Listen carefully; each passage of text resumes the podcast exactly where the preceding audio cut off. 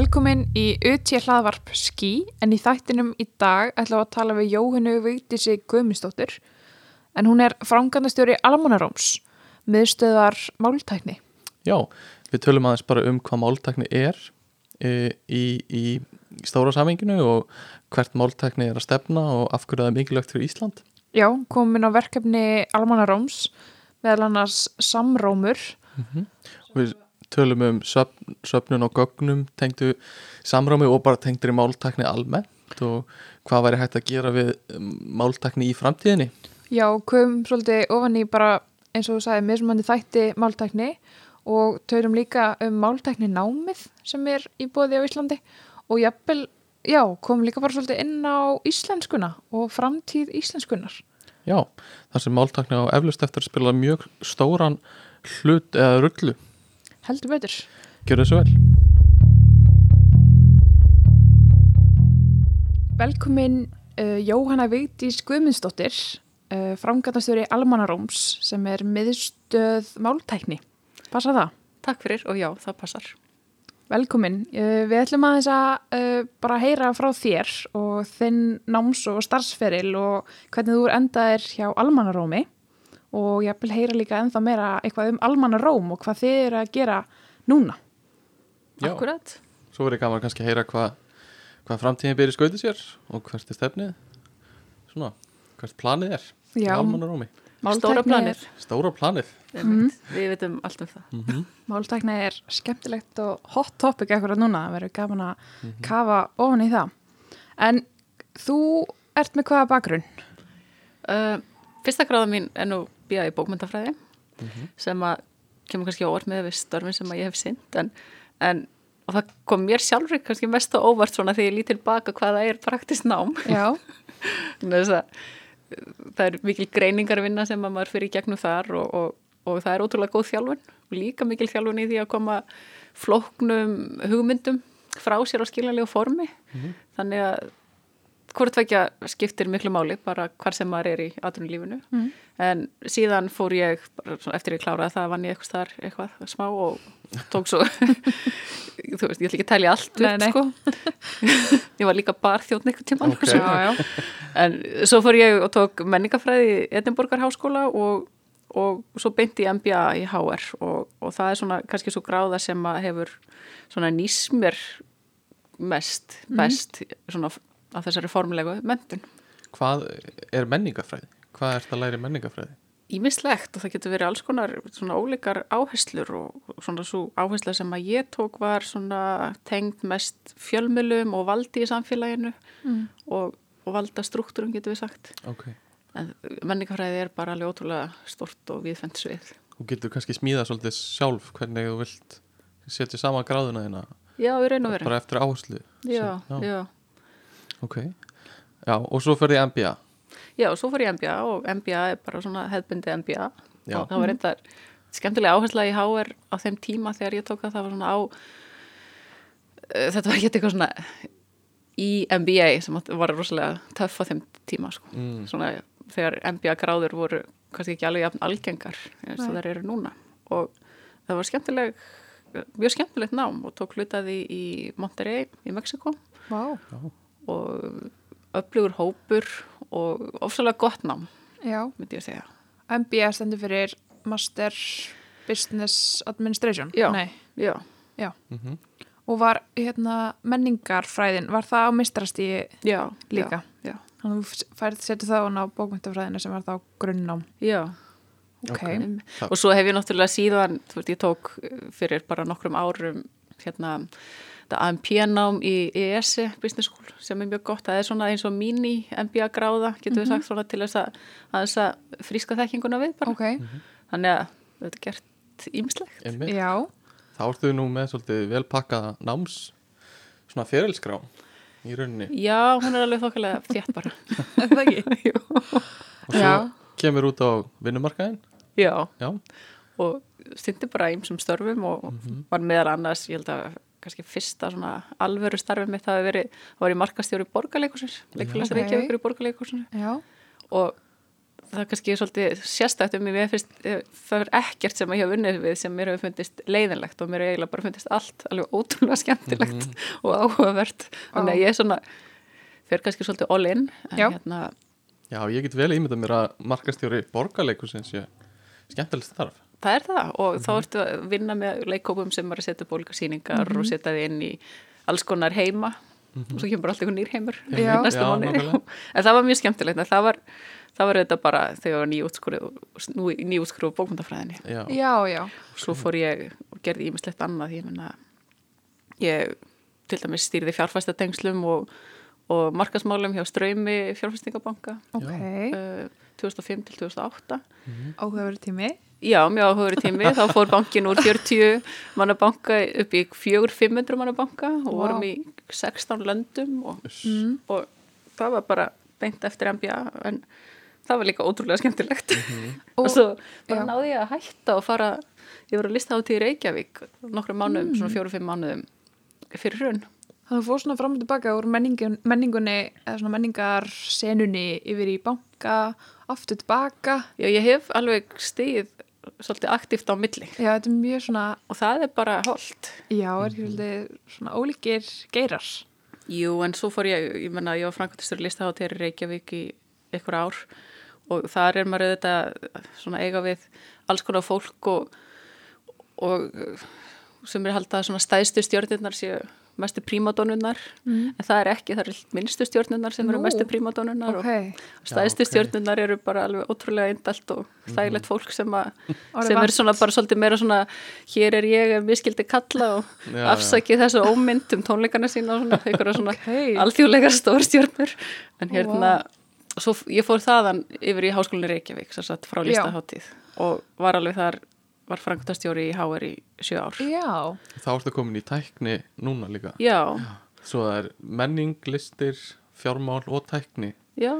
Vá, En já, einmitt í HR þá var ég framkvæmtastjóri og stýrið meðal annars hérna svona því sem hægt er að kalla kannski tækni yfirfæslu, bara tengslum á milli svona fræðasamfélagsins og atvinnulífsins og svona búa til eh, svona áhugaverðar tengingar þar, það sem að, það sem að sem að gagna spáðum aðilum. Já, og, og það kannski má segja að það sé það sem að hafi síðan leitt mig svona mest yfir í það sem ég er að gera núna í mm -hmm. þó að starfið í HR hafði þetta verið, ég menna, það var ímislegt sem að heyrði undir sviði sem ég styrði þannig mm -hmm. að opni háskólinn sem síðu endurmentun, markasmálinn og alþjóða starfið og reyndar í upphafi starfsins líka Íslenski Orkuháskólinn það var Já. verið að byggja hann upp þannig að þetta var mjög fjölbreytilegt og viðfænt starf Já, finnst þér um, hvort finnst þér svona ég get nú alveg ímyndað mér svarið en hvort finnst þér hafa mótaði meira starfsreislan eða námið þitt þú hefur náttúrulega verið í svo gríðarlega fjölbreyttum störfum Já, sko til þess að komast eitthvað af stað á vinnumarkaði þá þarftu formlega mentun og formlega gráður. Mhm. Það er bara þannig til þess að fá ykkur störf, Já. til þess að komast með fótinu fyrir dyrnar, getur við sagt. En, en síðan þegar þangað er komið þá náttúrulega skiptir starfsinslan mestu máli, bara hvað þú byggjur upp. Út af því að hverju einasta starfi þá lærir þú svo mikið og bætir við þekkinguna þína sem er þú veist, ef eitthvað er þá er það kannski mikilvægur og verðmættara heldur en ykkur gráður. Já, og, og svona ef að þú ferð á dýftina í störfunum og ert bara ef þú ert bara einhvern veginn öll í því þá náttúrulega lærir þú svo ótrúlega mikið. Og síðan bara byggjur á þeirri þekkingu og reynslu í næsta starfi og þetta hefur svona, þú veist, þetta svona er svo legokupar, þetta bara raðast mjög vel saman. ég svolítið verið að pæla uh, ég, ég veit ekki hvort þú getur svaraði en ef þú verður að ráða inn einhvern starfsmann sem hefur ég veit ekki, kannski 5-10 ára starfsreynslu myndur þú horfa á mentununa slíka eða bara þessa starfsreynslu?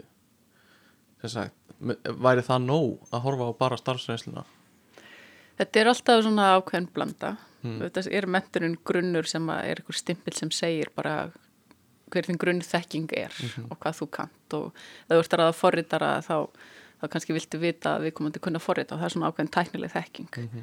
En það er fyllt af fólki sem kann alveg helling ofsalega margt án þess að vera með einhverjar formulega gráður upp á það og Já, stundum, stundum er, svona raun, er raunfærni mat kannski vannmetið. já, Það er fyllt af fólki sem kann rosalega margt og er ekki með formulega gráður sem Nei. að sanna það.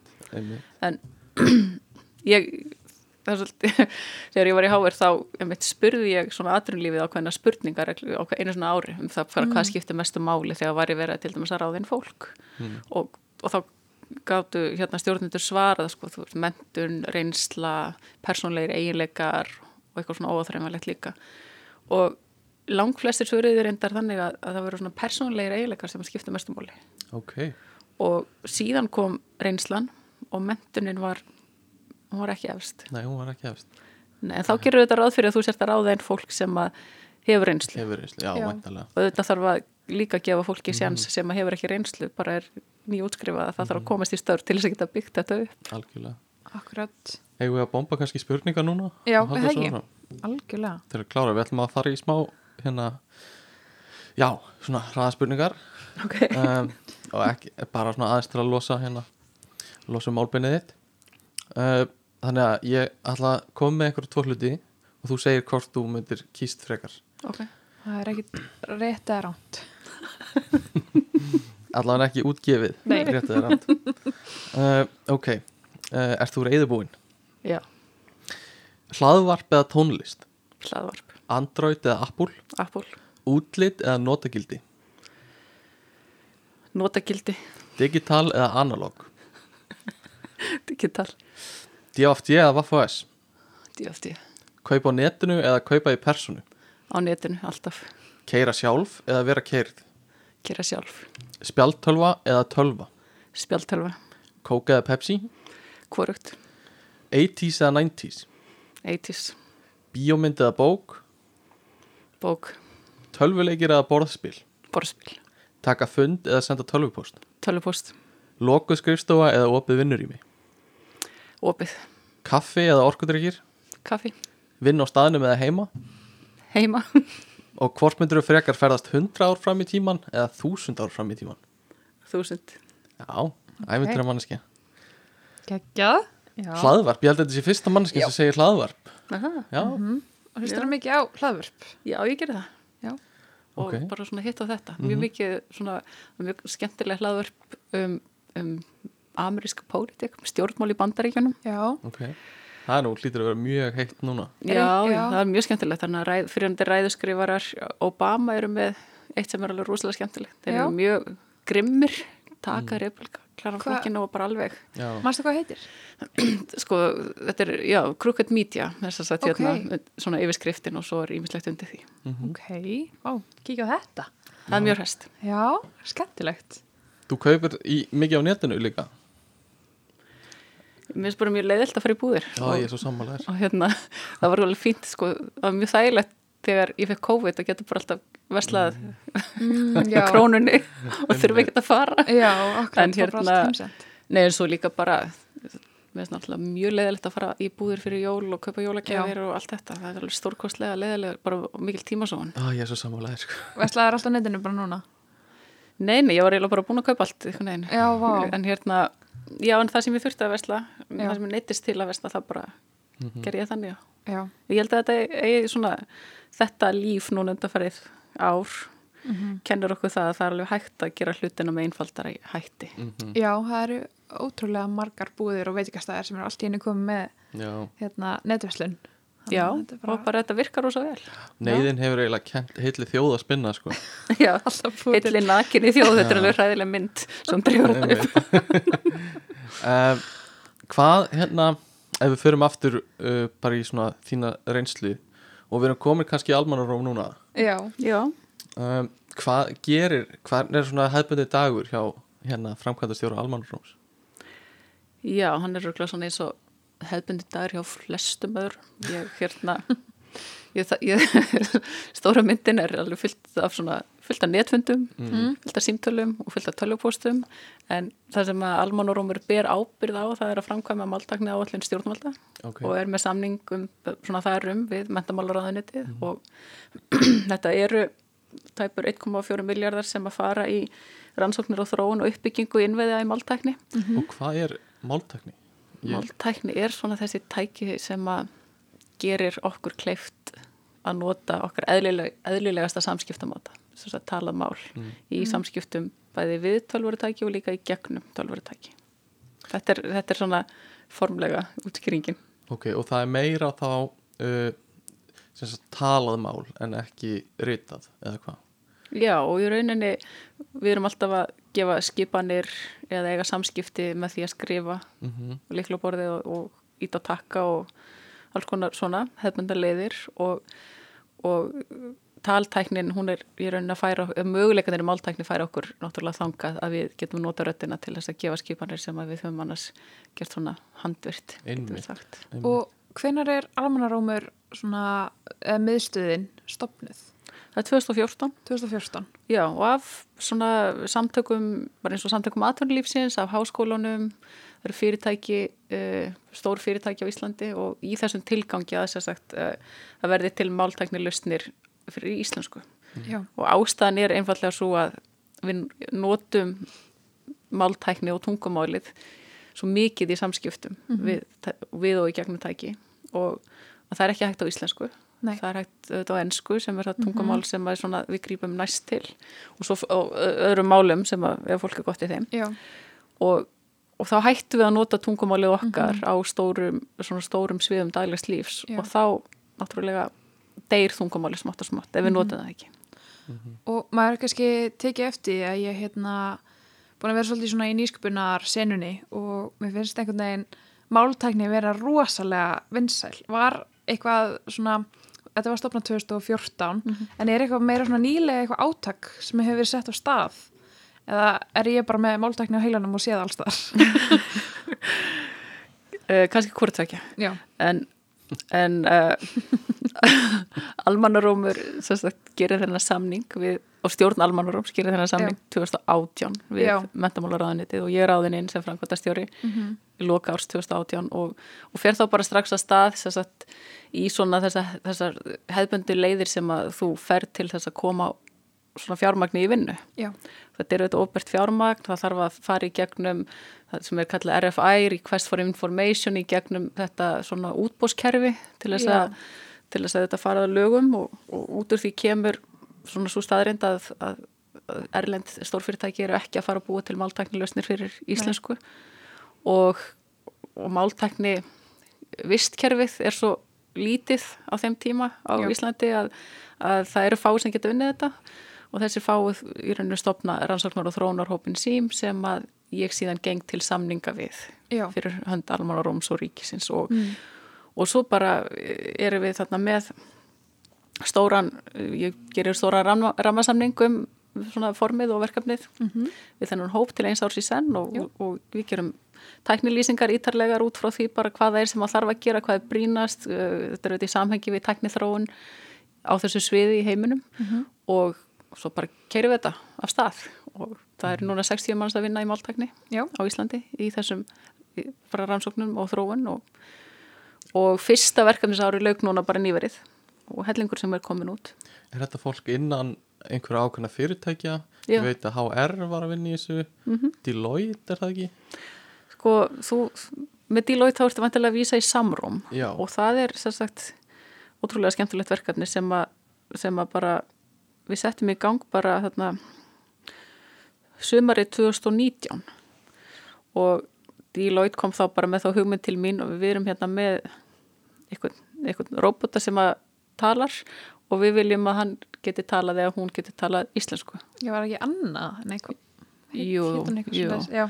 og, og ég alveg, já, það er nú skemmtilegt það er ekkert mál Nei, svona, það er kannski aðeins meira mál heldur en því haldið en sko við skulum búta þetta niður og, og búa til einhverja leið til þess að gera eitthvað og hvað vantar okkur? Okkur vantar gögn. Það er það sem okkur vantar náttúrulega langmest af ímáltækni til þess að og fyrstu árin eru mjög svona gagna þung. Við erum að sapna ofsalega miklum gögnum um tungumálið og tilræðu þannig að tölfur geti lesið þau og skilið þau og, og nota þau.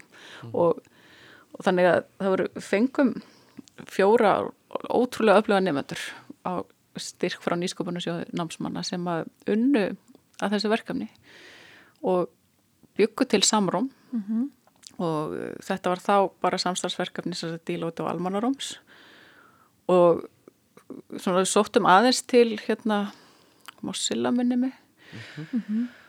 Og út úr þessu kemur samrómur sem að er ratgagnasafn og, og svona það tók alveg svolítið svona svolítið svona það var svolítið átaka að íta samrúm í gang en við okkur tókst það og og var skemmtilegt að segja frá því að ég gæri lauk um eitt grunnskóla keppni, lestrar keppni grunnskólana þess að okkur vantaði svo fleiri barnarættir þannig að við hendum henni í gang og hún er búin að vera í gangi í viku og þegar við byrjuðum vorum við komið 320.000 setningar inn í samrúm. Mhm.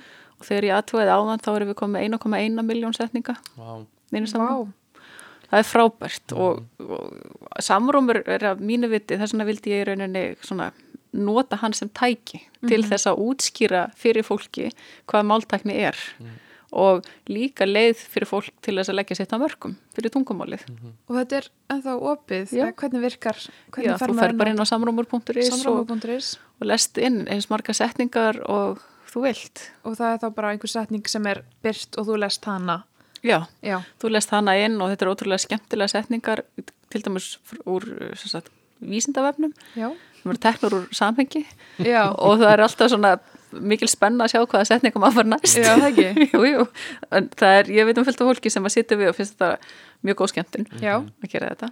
Og ég menna það eru nefnendur, ég heyrða nefnenda í dag sem að las 13.000 setningar inn fyrir skólan sinn. Vá, og svo skóli sem að las mest nefndurnir rásu 130.000 rúmlega setningar. Vá, þannig að það er, það er samrúmur og svo, svo sem sagt fengum við uh, háskólinni Reykjavík á borðinu og hann kom inn vegna þess að við vorum hann alltaf komið eitthvað risastórt gagnasafn sem við hefum kannski ekki alveg fórstendur til þess að nýta þessi bestum Nei. hætti. Þannig að nú er bara samrúmur orðin mjög mikilvægur hluti af, af þessum máltækni uh, gagnasafnum sem að þarf.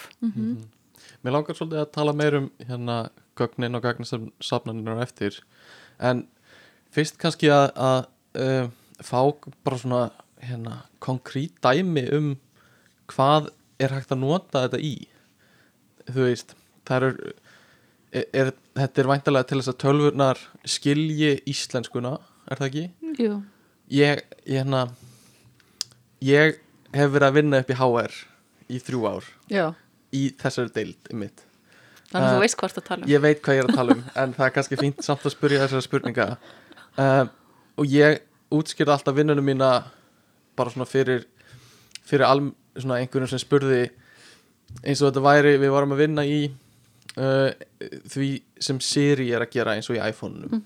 Að hún skilji síminn skilji íslensku og getur talað íslensku tilbaka Akkurat. Og hérna er, er það ekki svona megin markmið eða er það bara eitt af markmiðanum hjá ykkur? Það er megin markmiðið er að, að íslenskan lifi áfram sem tungumál. Þannig að svona litlu málsvæði þá þurfum við virkilega, við þurfum að hafa fyrir því. Já, en þetta er alveg mjög svona, getur við sagt skoteld stutt útskýring hjá Já. þér. Og, og þetta gera þessar svo kallu kjarnalausnir ólíka hluti. En, en það er einmitt mikilvægt að setja þær í samhengi við það við þær, við þær svona praktísku uh, við þær notkunar leiðir sem, að, sem að maður síðan getur bara eða kona nýtt mm út í bæ. Og bara sem dæmi talgreinir verður í rauninni forrit sem að getur túlkað eðlilegt tal á íslensku. Heimmi og þú getur notað það hérna forrit eða talgrein á mörgum sviðum. Ég menna, við erum að horfa á tölvikerfi bíla. Þar þurfum við að geta, við þurfum að tala geta, geta tala íslensku við bílun okkar. Uh, heilbriðiskerfinu skiptaða máli. Uh, það er ótrúlega ótrúlega mikil tími til dæmis lækna sem fer í að skrifa skýrslur. Heimmi og ég veit til þess að ég þekki fyrirtæki sem að er að vinna í því að þeir geti þá í rauninni nýtt tíman betur með því að, að geta talað inn jafn áðum uh, sem ætti að vera einhvern veginn eitthvað sem að ætti að vera til nú þegar. Það er oft hann með góður hugmyndir. En bara, Já. já. er þetta ekki til? Akkurat. en nei, það er ekki. Og ég meina það er þjónustverð fyrirtækja það er tölvistu tungumálanám það er alls konar í rauninni uh, nótkonar möguleikar svo eru þetta bara fólk með föllun sem að á erfitt með innslátt texta. Já, uh, og þetta getur skipt gríðarlega miklu máli fyrir fólk með bara ymsar fallanir sko hérna það eru náttúrulega dæmi svona eins og uh, eins og að taka viðtöl líka og í staðin fyrir að dikt, nei, skrifa upp allt viðtalið væri sniðut að geta hérna uh, látið tölvun að gera það ég prófaði að nota eitt gamalt podcast sem ég átti og setti inn í forrið sem heitir Tiro Mhm. sem er svona íslenskt forrið sem tekur inn hljóðskrár og skrifar þar upp um, og það kom svona bara förðu vel út. En náttúrulega gallin er að það er ekki, getur ekki greint frá uh, hver er að tala. Þannig að textin Mm. kemur svolítið í einu klessu en ég veit að það er vandamál sem er verið að vinni og er bara svona þekkt vandamál í þessum heimi. Og hérna er í stöður í vinslu en hérna, þetta, er svolítið, þetta er svolítið töff að geta bara sett inn tvekja klukkutíma hljóðskrá og svo hérna er hún bara skrifið upp á íslensku fyrir þig sko. Um, náttúrulega ekki alveg 100% rétt en, en hérna bara þokkalega vel En í samingi við það sem varst að segja áðan. Þá, þá er verkefni sem Háskóli Reykjavík vann með alþingi með ræðu sviði alþingi sem var alveg ótrúlega flott. Og það er sem sagt bara það að ræðunar eru skrifaður upp í apnóðum og auðvitað þarf fólk að fara yfir ræðunar sínar og sjá til þess að þetta sé rétt og svona vegna þess að það er ekki alveg sjálfgefið. En það voru margir ræðuskrifarar að vinna við þetta. Já. bara slá þetta inn í apnóðum og það er svo mikill spartnaður, tímaspartnaður starf þýðenda, geti ímyndað ykkur til dæmis hversu miklu máli skiptir að, að þurfa ekki að, að þýða hvert einasta orð, hver einasta setningu bara frá grunni heldur, heldur getur þú getur í rauninni miklu frekar farið yfir texta og hérna rítstýrt honum. Akkurat, Heldur bara að- eins og maður gerir það, ég alltaf þegar ég er að þýða yfir á ennsku, þá set ég allt reynda bara í gegnum Google Translate sem reynda kannski ekki snuðt, þau geima það en, og svo breytir maður bara þeim texta, þannig að það er gott að Einmitt. vita að því þetta verður kannski En gallin er sá að, að hérna, það bara það er tek teknilausnir eru kannski ekki alveg nógu góðar fyrir Nei. íslensku og þess vegna erum við að þessu og, og hérna Guðinni T.O. Jóhannesson fórsetti, hann hefur stundum sagt á sögu að, að hann prófaði að setja hérna, setningaræði alþingis inn í, ég held að bara Google Translate. Og í lokin á ræðinu sinni, setningaræðinu þá sagði hann og svo byrði ég þingmennum að rýsa úr sætum og minnast fórstujarðarinnar og, og þýðingin var sagt svo uh, I, I then asks uh, members of parliament to resign. Úff, eða þú veist, to Já, stand já, up já. and resign. Þannig að hérna það skiptir svolítið miklu máli að merkingi sé rétt og, Mjög og miklu. þarna geti þetta hafa miskilist mjög illa. En kannski hérna varðandi máltæknina og svona nám þegar kemur að því uh, HR er með það ekki einhverja mestrakráðu í máltækni? Jú, það er að sameiglitt mestranám Háskólans í Reykjavík og Háskóla Íslands. Já, og þetta er eina, svo ég viti eina sameigilega mestaranámið Já. á milli tvekja Háskóla Íslandi sem er reynda sérstakt vegna þess að ég myndir að halda að vera hægt að vinna meira saman eh, ekki spurning í svona litlu landi, nýta styrkleika allra og þetta kemur Háskóla Íslands inn með alveg gríðarlega styrka á sviði málvísinda Já, og, og reyndar líka tækni en Háskóla Reykjavík kemur inn með mjög mikinn styrk í tölvunafræði og hlutanum. akkurat og veistu hvað uh, þetta nám hefur verið lengi í bóði? Það var, uh, það var. Uh, það var til eitthvað tímann fyrir svolítið síðan en þá var auðvitað ekki mikið að gerast í máltækni ef nokkuð. Þar að leiðandi var jarðvegurinn fyrir þetta nám ekkert sérstaklega frjóra á Íslandi. En Nei. svo var þetta endurlífgað í rauninni svona með, með þessari máltækni áallin getur við sagt og, og það hefur bara gengið mjög vel. Já. Það eru hérna nefndum, eins og þú sagðir áðan, það er mikill áhugi og aukin áhugi Mm, á það og og fólk er líka átt að segja á því að, að máltækni er gerfigreind Já, og það er það sem að fólk, fólki finnst gerfigreind mjög spennandi Mhm. og, og það er svona mun fleiri alltaf átt að sé betur og betur á því að máltækni er í rauninni fyrst og síðast gerfigreindar fag. akkurat Þetta og, var meira að segja lengi vel og er mögulega ennþá eina gerfugreindar mastersnámið á Íslandi. Já, ok Einmitt. Ég gæti verið að Háskóla Íslands sé að gera bara í ár einhverja, einhverja deild en lengi vel var þessi máltakni í HR. Og komið þið í almanarúmi eitthvað að uh, náminu? Nei, Eða- í rauninni ekki. Þetta er uh, svona máltækni vistkerfið, þegar við kallum það það, það er samastendur auðvitað af, uh, það er hann almanarómur sem heldur utan um stóru myndin og sér um að þetta Sér verði miðstöð. til. Já, það er rannsóknar og þróunarhópurinn SÍM sem að innir heldur tíu, svona getur við sagt lögaðila, þetta eru fyrirtæki, stopnanir, Já, samtök, hvað stendur sím fyrir? samstarfum íslenska máltækni Já, og eru, þau eru svona í þessum rannsóknum, í þessari þróun, þau eru að safna gögnum og uh, svo er þetta meistaranámið mikilvægur hluti af þessu máltækni vistkerfi. Það þarf að byggja upp þekkjung á Íslandi til þess að það sé hægt að búa til máltækni lausnir fyrir Íslands. Mm -hmm. Það er ekki bara tólmann sem að geta gert það eilifu. Það þarf að búa til nýja þekkingu og halda þessu, halda þessu áfram. Svo er uh, hluti af þessu líka er um, samkettmissjóður sem er hýstur hjá Rannis Já.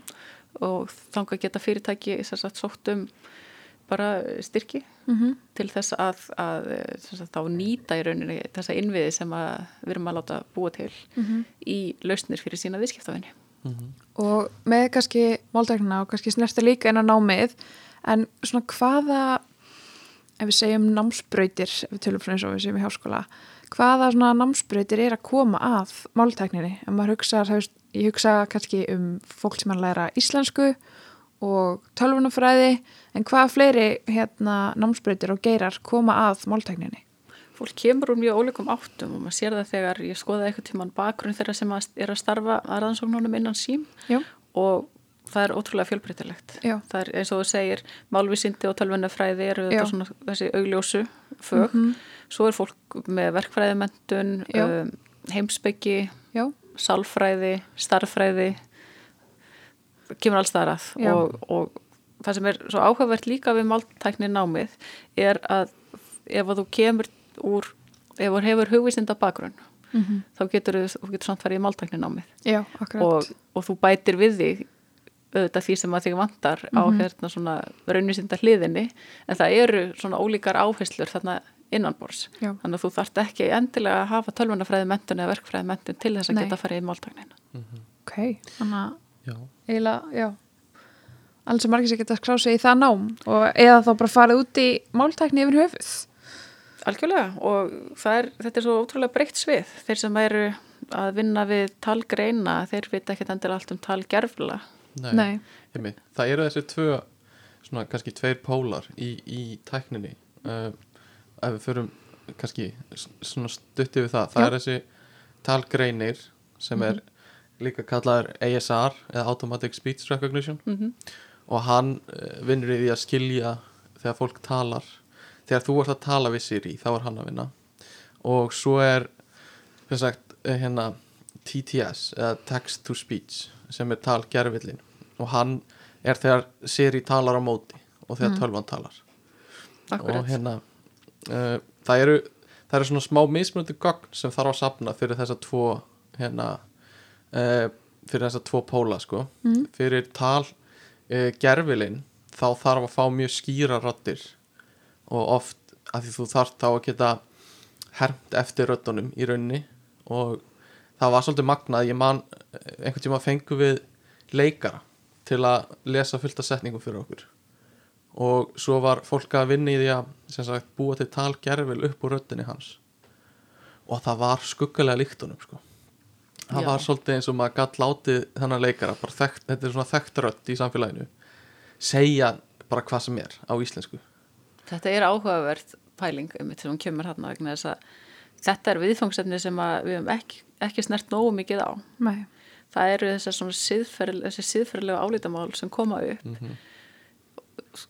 bara vegna þeirra möguleika sem gerfigreitin býður okkur upp alveg 100% og, og málteknin er ekki þar undan skilin Nei. að því rödd er einhvern veginn svona identity hjá manni Já. Mhm. og það er svolítið skrítið að vera búin að sko duplikata það einhvern veginn á tölvu. Og þú ert alltaf einhvern veginn búin að missa fingrafærið þitt að einhverju leiti Já, hvernig er það, þú veist, fyrirtæki og, og stofnarnir og fleira sem eru kannski þá að þróa um, mannsk rödd? Mm. eru þau að búa til rödd frá grunni, er það að blanda saman? Eða ef það er að byggja á einhverjum eins og séri þessi manniski að veintanlega ekki Já. til en í sumum tölvulegjum er fólk láta að lesa inn á þannig að maður svona, hvað Já, þeir verða, sko, talkjörallin fyrir íslensku, þeir verða þróar þannig að það verður hægt að framlega margar mismunandi rættir, ólíka rættir og ástæðan fyrir því til dæmis að við vorum að leggja svona mikla áherslu á að samna röttum barna og ólinga Já. er að, að tíðnisvið eh, ratta þeirra er annað heldur en tíðnisvið ratta fullorðina Já. og við þurfum þess vegna að geta þjálfa hugbúnað á þeim gögnum uh, til þess að til þess að tækin skilji börn og unglinga Já, það er þessi hinbót, það er talgreinari Já. og þar þurfa að vera sko alls konar gögn og alls konar rattir til þess að tölvan skilji sem breyðasta bil sem, og þá mega líka vera sko rattir sem eru með klið bak við sig af því tölvan þarf að geta skilið það líka. Já, þannig að upptökunar á því þurfa ekki að vera jafn fullkomnar og í, í talgerflunum um, en já, þetta eru þetta eru svolítið áhugaverða sko, segferðilega spurningar eins og við vorum að tala um sem vakna. Um, og það er þessi, það er hægt að búa til einhverja rættir sem blöndur. Ég, ég þekki ekki alveg hvernig það kemur út. En hérna og svo bara má nota rættir barna á allan hátt. Hver, hvernig eru gögnin unnin og geimd er, er þú með þá hreinu? Hvernig sumt að því. Já, sem það er? Uh, varandi samrúm þá, þá þarf fólk auðvitað að veita upplýst samþykki áður en það lesi inn. Og ef þú ert yfir 18 ára þá gerur það bara. En hérna ef þú ert undir 18 ára þá þarf leifi fóreldris og við erum með ferli sem að bara fyrir gang til þess fóreldra verða að veita upplýst samþykki. Og þú getur svolítið stjórnaði að þú ert að lesa þar inn hvort að, hvort að þú svona veitir líðfræðilegar upplýsingar já, um, um allt sko en þetta er að betra fyrir gagnasafnið að hafa þær upplýsingar að þú sért kona eða karla á ykkur ákveðna aldurspili og, og það skiptir mjög miklu máli að fá rættir þeirra sem hafa íslensku sem annarmál og þá Já. er hægt að merkja við sem sagt í rauninni sko frá hvaða landið þú ert mm. og vegna þess að það, það er engin lígi sko, tækin verða að skilja alla og Já. alla, þú veist, með reym líka þá sem að búið fyrir vestan fólk bara tala mjög mjög mismunandi hætti En hvernig verður það síðan eins og maður getur kannski ímynda sér um, við tölum ekkert alltaf rétt við segjum og beigjum ekkert allt er þá, eru þau líka að sapna sínum með svona málfræði villum upp á það að setna meir getur maður sagt eitthvað rámt en eh, rámt, rámt sem sagt málfræðilega en tölvan skilir þig hvernig nálgist þið það? Já, málrýni uh, er partur sem sjálfvirka leiðréttingar. Já. Málrýni er, er hluti af þessari máltagna áallin og þá auðvitað hjálpar það mjög mikið við leiðréttingar á stafsetningu og málfari. Mm -hmm. og svona getur veittir leiðbenningar við textaskrif og þess áttar. Uh, það er til alveg ótrúlega áhugavert í sa- safn, svona villu orðasafn Já, hjá Árnastofnun sem að tengist þessu. Og, og það er svo skemmtilegur hluti líka að þú, að þú þarft að taka svona allt tungumáli þú tekur, ekki, þú tekur utanum allt og, og eh, það skiptir svo miklu máli að, við, að bara við munum að, að tungumáli er samegn okkar allra alveg sama hvernig við tölum. Og það skiptir miklu meira máli að, að tala íslensku heldur en að vera að fara á taugum yfir því hvort þú talir hann 100% rétt. Já. auðvitað vöndum við okkur og gerum okkur besta og allt það en til dæmis varðandi upplifun ungsfólks af íslensku námi. Já, og af íslenskunni þá, þá er, höfum við alltaf lengi verið með eitthvað svipu yfir þeim og, og, það, og þetta hefur gengið út á það að þau læri eitthvað reglur utan bókar og það er engin gleði í þessu.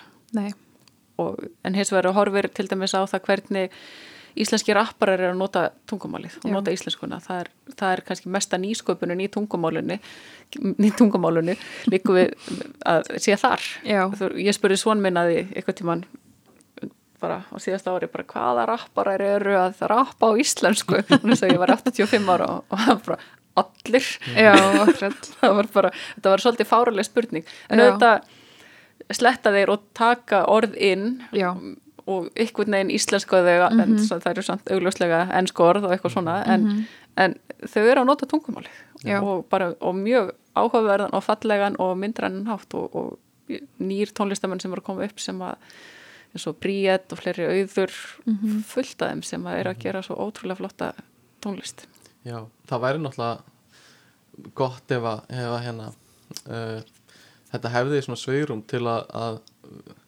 ge, tala vittlaust sem sagt, hérna málgreinirinn og hérna eins og Haldur Lagsnes skrifaði alltaf vittlaust en það væri ekki það hefði ekki verið næs ef að hann var að skrifa í tölvu og það hefði alltaf verið leiðrétt í NG-regluna og hann, NK-regluna hann getur þá bara hérna tekið náttúrulega einmitt. hérna, hann getur hérna séð til þess að það virki ekki en, Einmitt. en auðvitað skiptir mjög miklu máli að við byrjum virðingu fyrir tungumálunum og eins og ég sagði, vöndum okkur og gerum okkar besta og svona veljum það sem er kallað málsnið með við, viðtakanda hópin sem við erum að Já. tala við. Tölum kannski ekki eins við fjölskyldunum okkar eins og við tölum við ef við verum að kynna eitthvað fyrir ríkistjórnin eða Akkurat. þú veist, ef ég tek svona eitthvað svona mjög svona ekstrím póla en, en við þurfum að vera umburðari lindari Mhm. til þess að, að fólk verði bara jákvæðira í garð þess að, að hjálpa okkur við að, að sjá til þess að tungumáli lifi. Algjörlega. Uh, sko, mér langaði uh, kannski svolítið að fara í svona spekulasjónir varandi framtíðina. -hmm. hvað er svona, hverjir eru möguleikanir og hérna potensialin í alltaf að sletta? Já, hann var svolítið ég ætla ekki að segja meðvitaður neitt núna. sko, ég er svo umburðalind núna. Uh, já, ég er bara ég er bara svo rapparanir að nýta tungumáli uh, þannig að, að sko mér dætt í hug að í framtíðinni gætu kannski allir verið með uh, sína eigin rödd í tölvunni og uh, til dæmis þeir hitt eitthvað sem talar annað tungumál að það væri svona hérna uh, svona Google Translate í rauntíma í rauninni. Þannig að þú myndir bara tala þitt tungumál og svo heyrir viðkomandi í sko þinni rödd í einhverjum í eiran á sér Já, hvað er það notið í saminniði þjóðanum? Er þið ekki með, það eru bara túlkar Túlkar. það er bara túlka, bara fólk. það er bara fólk sem að situr upp í túlkaklefa og Já. talar já, vá. af því það er ekkert svo erfitt að búa til svona sér sniðna rödd þú þarf bara að tala taka upp í, í smá stund Já, og þá er hægt að búa til þína rödd þannig að þú getur verið að tala við einhvern sem er með bara einhver heyrnantóli í eyrunum og hérna svo þýða þau bara yfir og tala tilbaka með þinni rödd á spænsku eða norsku eða eitthvað. Þarftu þá að vera búin að segja einhverja setningar á tungumálinu til að nei, nei, þá, það er þetta já. breyta þínum hreinjanda á íslensku sko þetta er ekki hægt núna þetta Nei. er ekki núna en ég er bara svona, ég er bara svona að, Framtíðin, já, spá Já. geti, hvert þetta geti farið. Þetta er ekkert fráleitt hugmynd. Nei, hún er góð og hérna allt sem er praktíst mm það, það hérna gengur yfirleitt hraðar í svona þróun. Ef það er virkilega, ég meina að þú finnur þörf fyrir eitthvað á markanum, þá býrðu það til og reynir að hafa það afmarkað þannig að allir ekki að bara gleipa allan heiminn í einu. Einmitt. Og þetta hljómar eins og og ég er vissum að, þó ég getur nú ekki sagt það núna á svona á punktinum, en þá er ég vissum að það er einhver einhver staðar að vinna að þessu og jafnvel bara komin ansi langt. Já, Já. ég get trú því, Google var einmitt með í heyrnantólunum sínum einhvers konar þýðingar en já, sko, að því ég ímynda mér að, að hérna, þú, þú sest þá bara fyrir fram á tölvuna einhvern daginn og lest fyrir í klukkutíma af völdum setningum frá Google sem innihalda öll hljóðin sem þurfa að lesa. Eða frá sím eða sím, segjum segjum frá sím eða almanna Já. Þú sest fyrir fram á tölvuna hjá Almanaróm og lest í klukkutíma og eftir það ertu bara komið með þína rödd í, í símaðinn. Og hérna, þú getur þannig séð hlusta á sjálfa þig, tala, tala við þig eins og Siri, sko Við að sjálfa að tala spænsku. Spænsku. En tæknifræðarinnar eru þetta svo rosalega hraðar.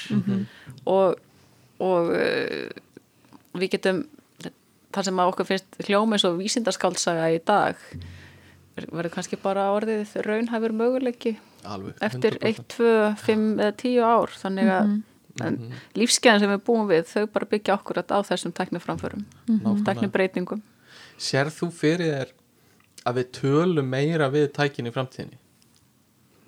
klárlega Heldur að, að þessir aðstofamenn og öll svona stýring sem við notum með puttunum núna fari í rö- röddina? Já, þess vegna eru aðeins vegna þess að þetta er nú þegar allt í kringum okkur og við getum ekki notað íslensku þannig að uh, þetta er svona ákveðið jafnbreytismál getum við sagt líka mm -hmm. Það er ekki allir sem að hafa tök á erlendum tungumálum nei, Nei. en, en það er svo margt sem að þú þarft að gera eða getur gert nú þegar uh, með því að nota máltækni já, og það að geta að nota máltækni á íslensku skiptir gríðarlega miklu máli bara fyrir það að tungumáli okkar lifi áfram En það er náttúrulega eitt að tölvan geti sko skrifað upp það sem hún segir -hmm. og svo er annað að hún skilji hvað þú ert að segja og geti fyllt skipunum. Er það partur líka af sem sagt, verkefninu að koma þessu inn í tæknina? Þannig að, Já, það er auðvitað það sem er, það sem er mikilvægast núna er að búa til þessa innviði og þeir eru bara eins og vegakerfið.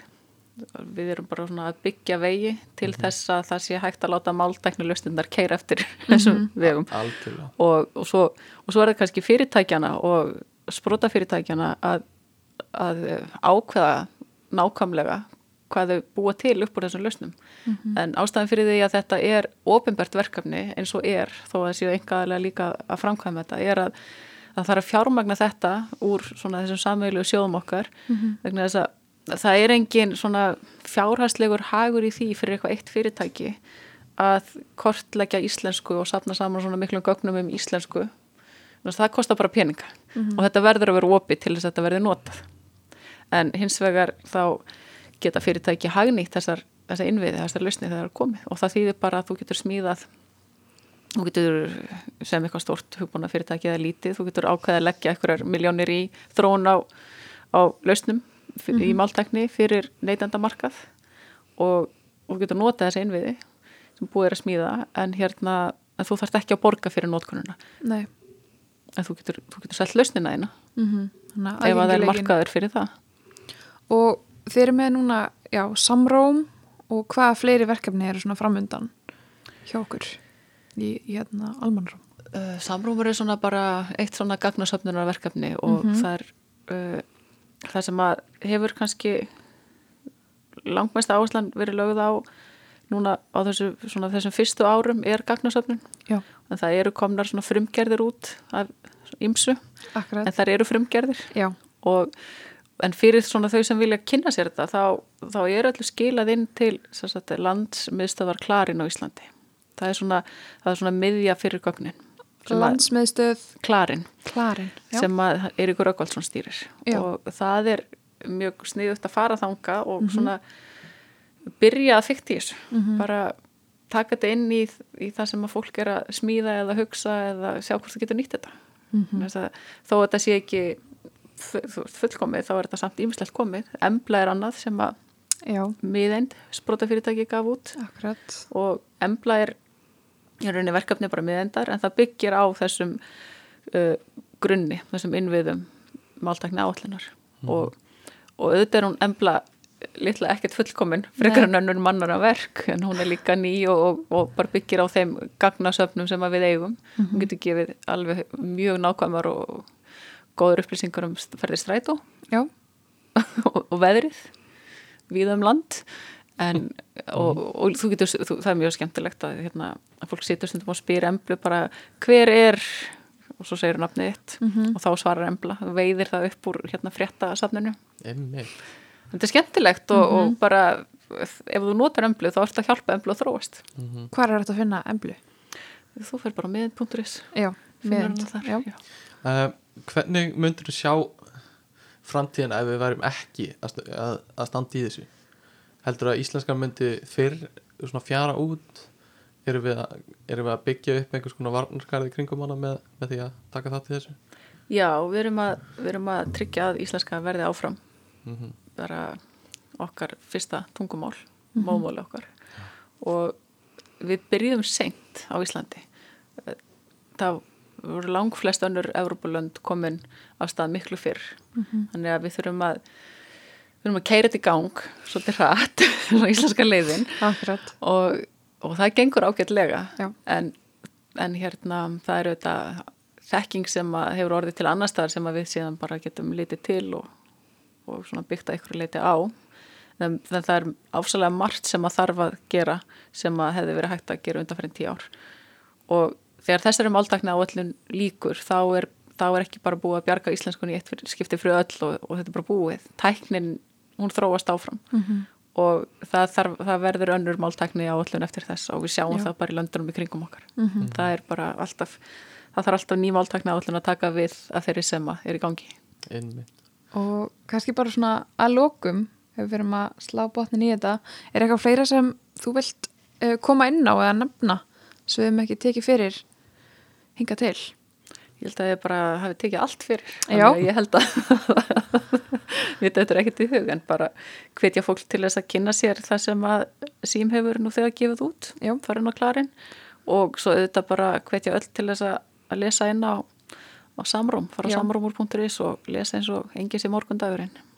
Mér langar að kasta kveði á félaga mína sem er að vinna mitt upp í HR í, í þessu Já. og samrúm Davíð og, og Olla sem eru að standa sig með eins og hetjur. Já, og, og báðir náttúrulega í þessum sko, hópi nefnda sem að þróa því algjörlega. Samróm og bara samrómur er bara þeirra verk. Og ótrúlegt í rauninni hversu bara hversu mikið kom út úr þessu fjórum nefndum, þú veist, háskólanemar auðvitað toppnemar, þeim nefndur og svo reyndar réði við úr háskólanum í Reykjavík Eithor. Mána Steinarsson sem var svona, var svona sprautan í þessu. Já, og þessi hópur hann hefur bara gert kraftaverk, mér finnst það. Já. já við styrum að gefa sjátt át þá ætlum ég að gefa sjátt át á Sunnefu líka en hún vann Já, til að hýta Já, Þannig Herðu, glæsilegt, allir að konum koma með alls konar plögg hérna. Ég vil líka gefa sjátt á mömmu mína hún, hún, En uh, Jóhanna Vítís, takk kærlega fyrir komuna. En Almanna Rómur er okkur að styrstaræðilega út í messunar í ár og búið ótrúlega skemmtilegt að fræðast meira um Almanna Róm. Og við hvetjum hlustendur til að kynna sér Almanna Róm og Samróm og fylgjast með framþróun máltekni á Íslandi. takk fyrir mig